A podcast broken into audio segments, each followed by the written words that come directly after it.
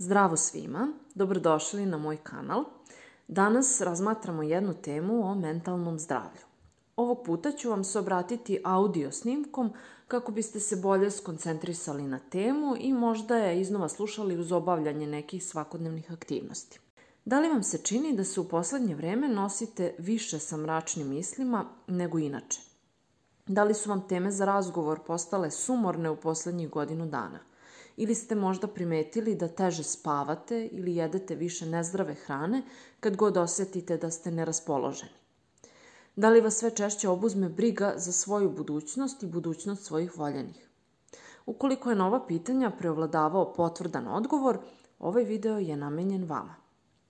Za početak, da biste pobedili depresivno raspoloženje, morate dobro isplanirati, a zatim uspostaviti dnevnu rutinu. Ta svakodnevica mora imati svoje nepromenljive stavke koje će se iz dana u dan ponavljati u isto ili slično vreme. Na taj način, uz ove, tako reći, obavezne aktivnosti, izbegavamo pasivnost i preterano razmišljanje. Tu spadaju obroci, tuširanje, odlazak do marketa, pranje veša i slične kućne dužnosti. Idealno je da ove obaveze napišete u svoj planer i da ih poštujete, odnosno da vodite evidenciju o njihovom obavljanju. Takođe, ukoliko radite od kuće, neka vaša improvizovana kancelarija bude izvan spavaće sobe. Svest o vršenju nekih važnih stvari može pomoći da se izbegne preterano i nekonstruktivno razmišljanje. Nakon što ste utvrdili obaveze, u svakodnevicu bi trebalo da uvedete i neke specifične aktivnosti. One nisu obaveza, već su stvari koje volite i koje su zadužene da posebno oplemene vaš duh. Te aktivnosti treba da su takve da podstiču kreativnost, da sadrže zanimljive elemente i sve ono što inače volite da radite. Ali tu spadaju i one stvari koje možda do sada i niste pokušali, jer je sada vreme za novine. Eksperti savetuju da se pored uvođenja dnevne rutine osmisla i nedeljna rutina, I najbolje je da nedeljnu rutinu osmišljavate uvek u isto vreme, na primer nedeljom uveč, čime ćete obezbediti lakše pridržavanje plana. Jedan od terapeutskih saveta, ali i saveta iz iskustva ljudi koji se bore sa depresijom, jeste vođenje dnevnika. Zapisivanjem stresnih situacija pokazalo se umanjuje se prvobitni nivo stresa i objektivnije se sagledava problem. Osobe se nakon zapisivanja osjećaju smirenije, što jeste suština ove navike. Na drugom mestu, e, kao savet, jeste boravak na suncu. Svakodnevno izlaganje suncu pomaže u borbi protiv depresivnih misli, poboljšava raspoloženje, daje više energije, a i podstiče lučenje serotonina, odnosno hormona sreće. Ne možemo izostaviti ni njegov povoljan uticaj na stvaranje vitamina D, pa time blagotvorno dejstvo imamo i na fizičko zdravlje, a ne samo mentalno. Takođe se pokazalo da veće izlaganje suncu tokom dana štedi rezerve hormona melatonina. Melatonin je hormon spavanja. Ako ga štedimo preko dana, onda se on luči onda kada mu je vreme, dakle uveče. Ljudi koji više borave na suncu preko dana lakše se uspavaju tokom noći. To je posebno korisno u ovom slučaju jer je depresivno raspoloženje često praćeno nesanicom.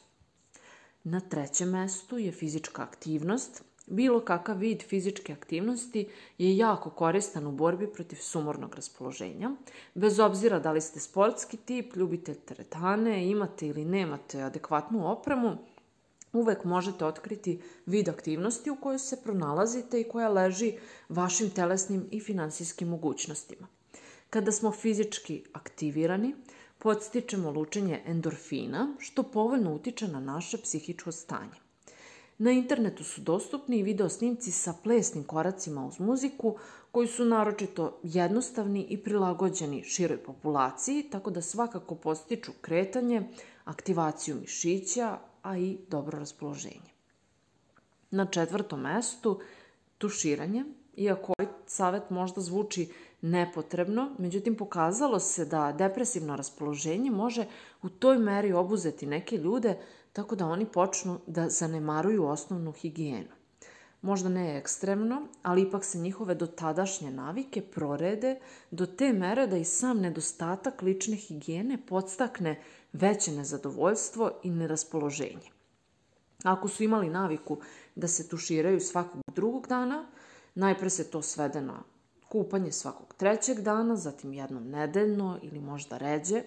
Osobe prestanu da obraćaju pažnju na negu kose, kože ili noktiju, žene prestanu da se šminkaju, boravak u piđami postane uobičajen, čak i tokom dana.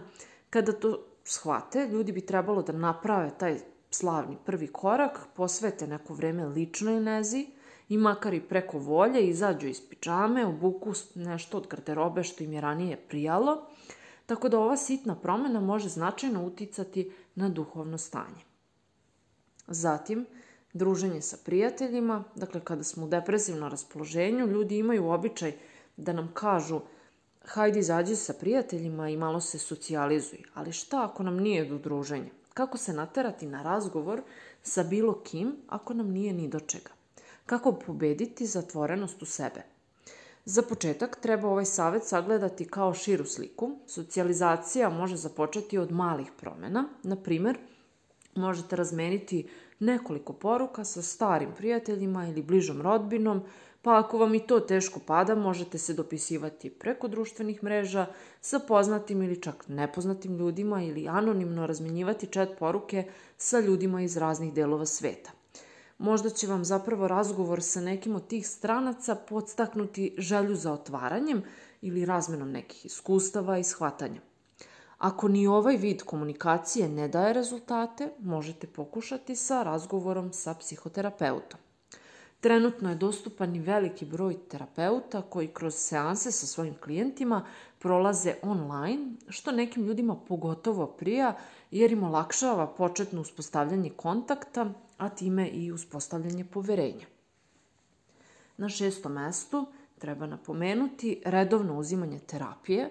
Ako imate redovnu terapiju za neke psihičke poteškoće ili nebitno fizičke, neophodno je da je uzimate redovno i onako kako je propisano. Veliki broj ljudi zanemaruje uzimanje terapije onda kada ih uhvati depresivno raspoloženje. S druge strane, treba imati u vidu da se nijedna hronična terapija ne propisuje na isti način tokom celog života. Često je potrebna korekcija, povećanje ili smanjenje doze, uvođenje ili isključivanje određenih lekova. Isto važi i za terapiju drugih bolesti i poremećaja koje se takođe mora ispoštovati. Ponekad depresivno raspoloženje nije izazvano trenutnim okolnostima, znači virusnom pandemijom ili gubitkom posla, već i konkretnim neuzimanjem terapije, na primer za bolest štitne žlezde. Zato redovno uzimajte svoju terapiju i s vremena na vreme se konsultujte sa svojim lekarom u vezi eventualne izmene. Pogotovo je poželjno konsultovati se onda kada zapazite neke nove simptome ili promene u postojećim. Masaža i aromaterapija. Kada ste poslednji put sebi priuštili jednu kvalitetnu masažu, relaksaciju i uživanju u aromi mirišavih sveća. Ako ne možete da se setite ovog podatka, možda je pravo vreme da svom duhu i telu priuštite ovako zadovoljstvo. Više brige o sebi i pronalazak vremena za odmor može znatno poboljšati mentalno stanje, ali i ublažiti ukočenost globova i napetost u mišićima. Aromaterapija je dokazano delotvorna u smanjenju našeg stresa i poboljšavanju raspoloženja. To je bilo sve što sam vam pripremila za danas. Nadam se da ste uz ovaj video saznali nešto novo ili da ste dobili neku ideju o poboljšanju svog raspoloženja. Takođe, ako poznajete nekog za koga smatrate da bi mu slušanje ovog video snimka značilo, podelite link sa njim. Možda ćete nekome olakšati svakodnevne brige i na raspoloženje, a možda i spasiti život. Da bi ovaj video bio vidljiv široj publici, kliknite na like.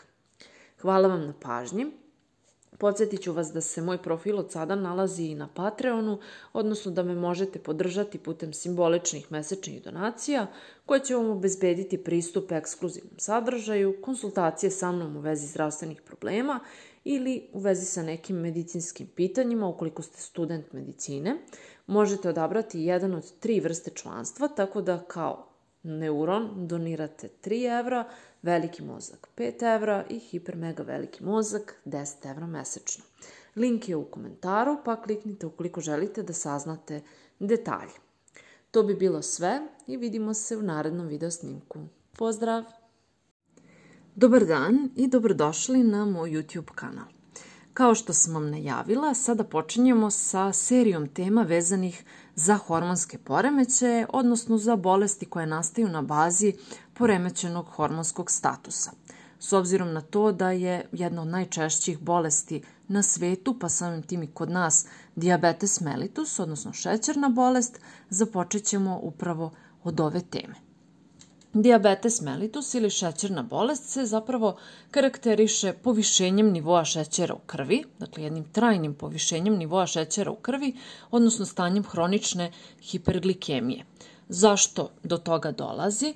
Dakle, postoji ili manjak ili a, neadekvatno dejstvo hormona insulina. Dakle, insulin jeste hormon koji izlučuje pankreas, odnosno gušterača, i insulin služi da preuzme glukozu iz naše krvi, dakle nakon što smo uneli hranu, glukoza iz krvi treba da ode do svih ćelija u organizmu kako bi obezbedila njihovu ishranjenost.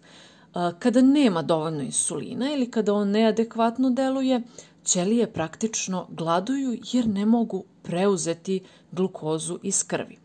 U diabetesu tipa 1 postoji veliki manjak insulina ili ga nema uopšte, a u diabetesu tipa 2 a, praktično su ćelije koje treba da preuzmu glukozu otporne na dejstvo insulina i insulina ima često i više nego što je potrebno u početku, ali on ne može da a, dopremi glukozu u ćelije. Dakle, takve osobe će osjećati jaku glad, a imaće visoke nivoje šećera u krvi. Kada odete kod lekara i kada vam on diagnostikuje šećernu bolest, svesni ste da najpre dobijate savete vezane za promenu ishrane i već na drugom mestu da se morate baviti fizičkom aktivnošću. Dakle, to važi za veliki broj bolesti, kao što smo dakle, sami svesni, ali kada je u pitanju diabetes, fizička aktivnost ima enormno veliku, veliki značaj. Zašto je to tako? Dakle, fizička aktivnost omogućava aktivaciju mišićnih ćelija, zbog čega one mogu da preuzmu šećer iz krvi čak i bez dejstva insulina. Dakle, i kada insulina imamo manje nego što je potrebno ili kada postoji otpornost na insulin, prilikom fizičke aktivnosti ćelije su sposobne da preuzmu glukozu iz krvi i tako mi praktično sprečavamo njihovo gladovanje, a istovremeno snižavamo šećer u krvi, dakle u krvotoku, jer je to, ovaj, a to je takođe važno, dakle na taj način izbegavamo e, oštećenje krvnih sudova, pre svega malih krvnih sudova koje nastaje upravo uh, kod osoba sa šećernom bolešću. A, pored toga što nastaje oštećenje krvotoka, moramo imati u vidu i da se oštećuju nervi posredstvom oštećenja krvotoka. Dakle, svi nervi su takođe obskrbljeni krvotokom, dakle sitnim krvnim sudovima koji nakon oštećenja onemogućavaju adekvatnu ishranjenost nerava, pa kod ovih osoba u nekom periodu dođe i do polineuropatije, dakle oštećenja nerava na periferiji organizma. Uh, uprkos dostupnosti terapije i savremene diagnostike, dakle u kontroli šećera najvažniju ulogu ima promena navika I moram naglasiti još jednu stvar, dakle ljudi pokušavajući da reše svoj problem često tragaju za informacijama na internetu i dobijaju a, svakakve savete vezane za a, meleme i slične lekove, prirodne ili veštačke koji a, na neki način magično ovaj leče šećernu bolest, pa na taj način dobijaju često i štetne savete. Dakle, postoje proizvodi koji mogu u nekoj meri poboljšati stanje osoba sa diabetesom i vrednosti šećera u krvi, ali često su zapravo u osnovi neki štetni saveti koji mogu više učiniti lošeg nego dobrog po stanje osobe koja ima diabetes. Pre svega, dakle, mora se uvesti adekvatan način ishrane i mora se osoba baviti adekvatnom fizičkom aktivnošću, dakle onom koja posebno prija osobi i koja je, moram naglasiti, aerobna, dakle u pitanju je obično kardio, fizička aktivnost, kardio vežbe koje omogućavaju dobru ishranjenost ovaj, čitavog organizma tokom vežbanja, dakle dovoljno dopremanje kiselnika. Osobe koje imaju a, diabetes mellitus ne bi trebalo da se bave anaerobnim aktivnostima, dakle ne bi trebalo da dižu tegove ili potenciraju na vežbama kao što su sklekovi, već bi više trebalo a, da trče, na primer, ili ovaj, rade neke kardio vežbe, pilates i slično. E sada, ovaj, učestao problem uh, u čitavoj populaciji, ne samo kod osoba sa diabetesom, onda kada se vežbanje započne, jeste da se to jako puno odlaže u početku.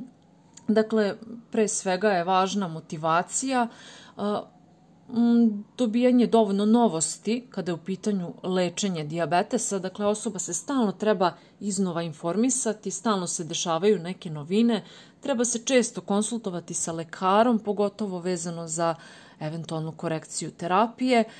Treba razgovarati sa nutricionistima, dakle neke stvari koje možda ne deluju suviše štetno po osobe sa, diabe, sa diabetesom mogu zapravo biti štetnije nego neke druge, pa tako osoba sa šećernom bolešću ne bi trebalo ovaj, da jede hranu bogatu skrobom kao što su krompiri ili hleb, trebalo bi da jede više mesa, više voća i povrća. Ovaj, kada je u pitanju voće, naravno to se odnosi na citruse, na a, pomoranđu, limun i slično. E, osobe koje imaju šećernu bolest često imaju i pridružen visok krvni pritisak, pa treba imati u vidu da i to fizička aktivnost utiče i na vrednosti krvnog pritiska, pa se na taj način praktično, da kažemo, ubijaju dve muve jednim udarcem. Jedan od problema na koji često nailazimo prilikom razgovora sa pacijentima tiče se vežbanja jeste motivacija, dakle kako pronaći motivaciju, a ne pribegnuti izgovorima kao što je krećem od ponedeljka i slično. Dakle, treba da znate da ako želite da svom telu poklonite nešto kvalitetno, onda treba da mu poklonite redovnu fizičku aktivnost. Redovno treniranje ima poseban značaj i u prevenciji, dakle osoba koja redovno vežba mnogo će teže zapravo dobiti šećernu bolest ili će bar odložiti njen početak, što je jako važno s obzirom na neke komplikacije koje mogu nastati u diabetesu. Pola sata svakog dana bi trebalo izdvojiti kako biste prošetali sa prijateljem ili prijateljicom i to je već dovoljna fizička aktivnost za početak.